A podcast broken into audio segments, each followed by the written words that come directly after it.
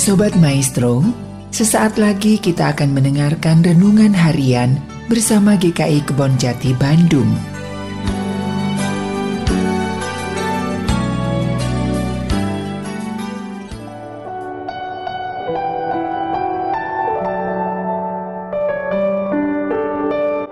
Shalom Bapak Ibu yang dikasih Tuhan, apa kabar saudara hari ini?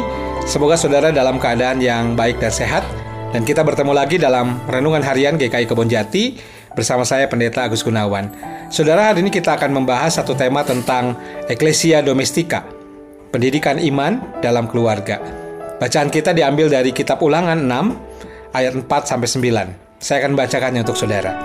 Dengarlah hai orang Israel, Tuhan itu Allah kita. Tuhan itu Esa, Kasihilah Tuhan Allahmu dengan segenap hatimu dan dengan dengan segenap jiwamu dan dengan segenap kekuatanmu. Apa yang kuperintahkan kepadamu pada hari ini haruslah engkau perhatikan. Haruslah engkau mengajarkannya berulang-ulang kepada anak-anakmu dan membicarakannya apabila engkau duduk di rumahmu, apabila engkau sedang dalam perjalanan, apabila engkau berbaring dan apabila engkau bangun. Haruslah juga engkau mengikatkannya sebagai tanda pada tanganmu dan haruslah itu menjadi lambang di dahimu dan haruslah engkau menuliskannya pada tiang pintu rumahmu dan pada pintu gerbangmu. Saudara, ada peribahasa yang saudara pasti tahu. Peribahasa itu berkata, "Buah jatuh tidak jauh dari pohonnya." Nah, saudara, biasanya peribahasa ini menunjuk kepada perilaku anak-anak yang tidak berbeda jauh dengan perilaku orang tuanya. Jadi, apa yang menjadi kebiasaan anak-anak dianggap sebagai apa yang sudah diajarkan atau diteladankan orang tuanya. Memang saudara tidak selalu begitu. Sebab teladan dari komunitas yang hadir di sekitar anak-anak juga berpengaruh banyak. Teladan atau pengaruh itu bisa jadi baik, tetapi tidak jarang pengaruh itu juga berdampak buruk pada kehidupan anak-anak.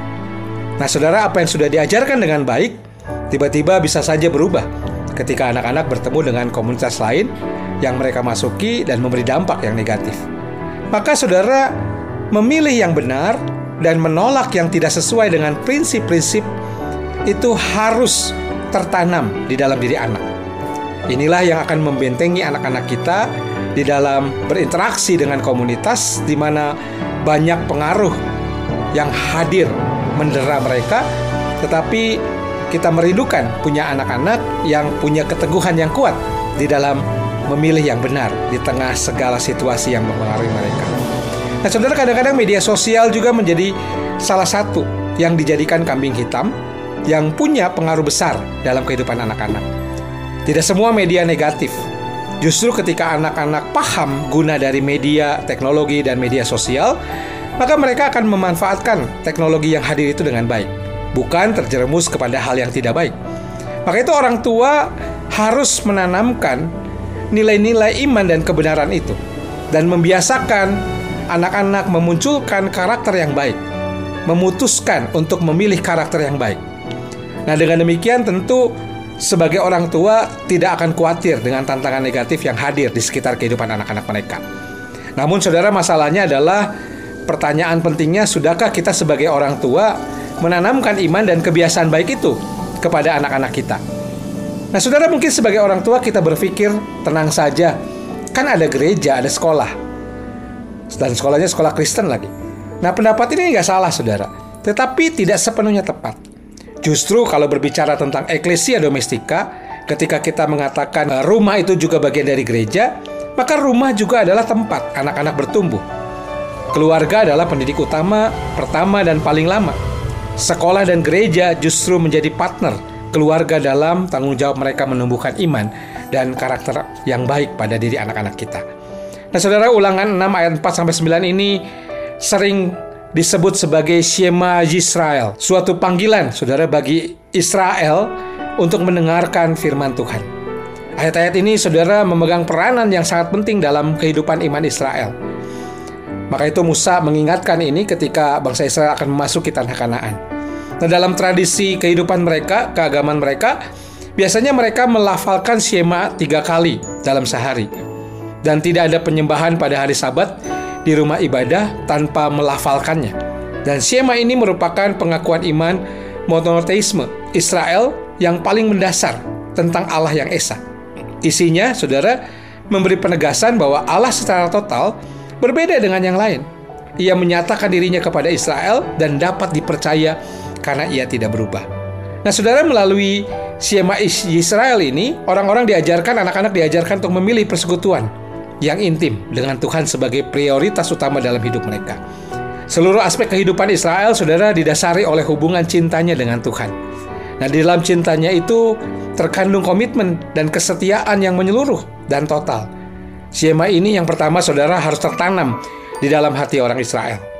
Yang kedua, harus tertanam dalam hati anak-anak Israel. Dan yang ketiga, harus menjadi bagian hidup sehari-hari mereka. Yang keempat, harus menjadi identitas pribadi mereka. Dan yang kelima, menjadi identitas keluarga serta masyarakat Israel. Jadi tidak ada satupun bagian dalam kehidupan orang Israel yang terlepas dari relasi mereka yang penuh kasih kepada Tuhan. Maka itu menariknya saudara pesan Musa ini ditujukan kepada keluarga untuk mengajarkannya berulang-ulang di rumah. Ayat ini memperlihatkan pentingnya pendidikan iman itu di dalam keluarga. Proses pendidikan terjadi melalui relasi, melalui percakapan dengan berbagai objek, pengalaman, perjumpaan yang mereka uh, lakukan. Maka melalui pendidikan iman yang dilakukan dari satu generasi biasanya ke generasi yang lain, diharapkan Syema Israel ini menjadi pedoman iman yang teguh ketika Israel memasuki kehidupan baik sekarang maupun kehidupan mereka di masa mendatang dalam konteks mereka memasuki tanah perjanjian. Nah, sudah tanpa iman yang teguh, anak-anak mereka akan terpapar bermacam-macam hal yang bertentangan dengan iman mereka. Dan caranya memang benar-benar sederhana sebagai keluarga diundang untuk membicarakannya berulang-ulang dalam setiap kesempatan. Hal ini juga menunjukkan, saudara, bagaimana firman Tuhan akan menolong mereka menghadapi situasi-situasi yang bertentangan dengan iman dan kemudian berani bersikap untuk mengikuti kebenaran firman Tuhan. Maka itu dalam implikasinya di masa sekarang, kita sebagai keluarga juga harus membangun rumah itu untuk sesuatu yang istimewa.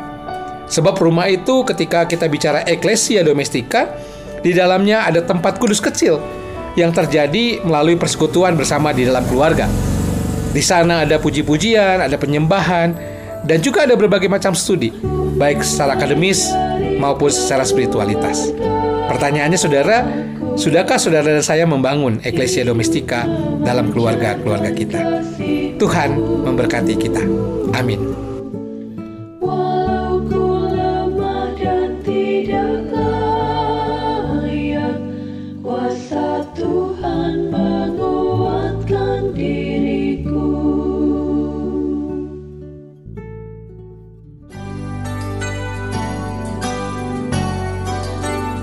Sobat Maestro, baru saja Anda mendengarkan renungan harian bersama GKI Kebon Jati Bandung. Tuhan Yesus memberkati.